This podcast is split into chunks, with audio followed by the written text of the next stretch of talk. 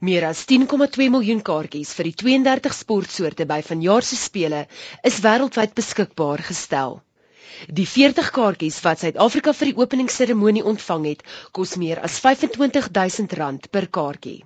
Fly Africa se bestuurende direkteur, Nazir Kamarudin, sê die eerste kaartjies vir die spele is reeds sedert 2010 beskikbaar. Requests started coming in before the World Cup football started and uh, the demand has been great.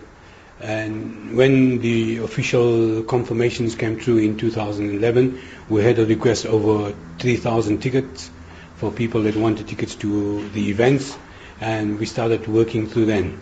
So the demand has been great. Unfortunately, we cannot supply everybody tickets because the stadium is limited and there aren't many tickets available. So the size of the stadium determines the quantity of tickets you get. Kamarudin sê die vraag na kaartjies is groot aangesien Londen 'n gewilde reisbestemming onder Suid-Afrikaners is. There's over close to half a million South Africans living in the United Kingdom. So, you know, I think the destination for South African London has always been a popular destination maybe because of the language compared to Beijing or to Greece. You know, I think the language plays a major factor here, and people can read signs and understand what needs to be said on signage, on tickets, on traffic lights, uh, taxis. You know, everybody will be able to communicate with each other. Hy sê plaaslike belangstelling is oorwegend in die sportsoorte waar die land moontlik 'n medalje kan verower. With the hockey qualifying now, we hope we get a medal there.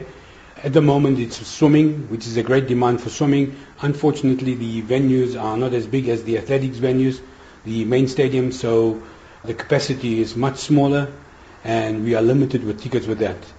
Tickets for the athletics, yes, we have quite a bit of the athletics tickets, which would fulfill a lot of the requests that we had from supporters that wanted to go for the athletics meetings.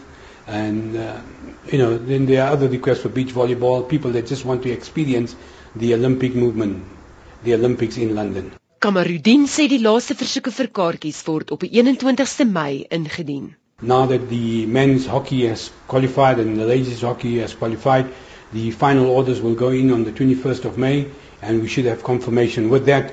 Uh, there are other code of sports that are, still, that are also qualifying and I think we'll have an answer by the end of May to confirm how many tickets we've got available for the other code of sports. So, you know, whoever wants tickets will have to request by uh, email and tell us what their needs are, and we can get back to them. But there's a list of over 4,000 people that are still waiting for confirmation from us. Sportliefhebbers moet egter op hulle hoede wees vir onwettige kaartjie-operateurs wat leë beloftes maak.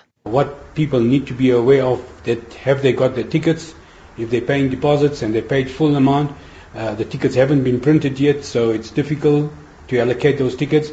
Fortunately for us, you know, there's a process that's been followed for every ticket that we sell, we need to inform the IOC of the ticket of the passenger's name, passport number or ID number, which will be put into the system. So if they are lost or they need assistance or something happens to their ticket, you know, we'll be there to assist them.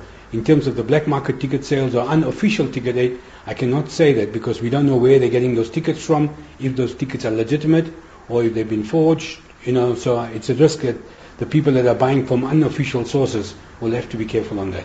Laatslapers wat na 21 Mei kaartjies wil koop, kan 'n e-pos versoek stuur na info@flykoppeltekenafrika.com. Ek is Renet van Rensburg in Johannesburg.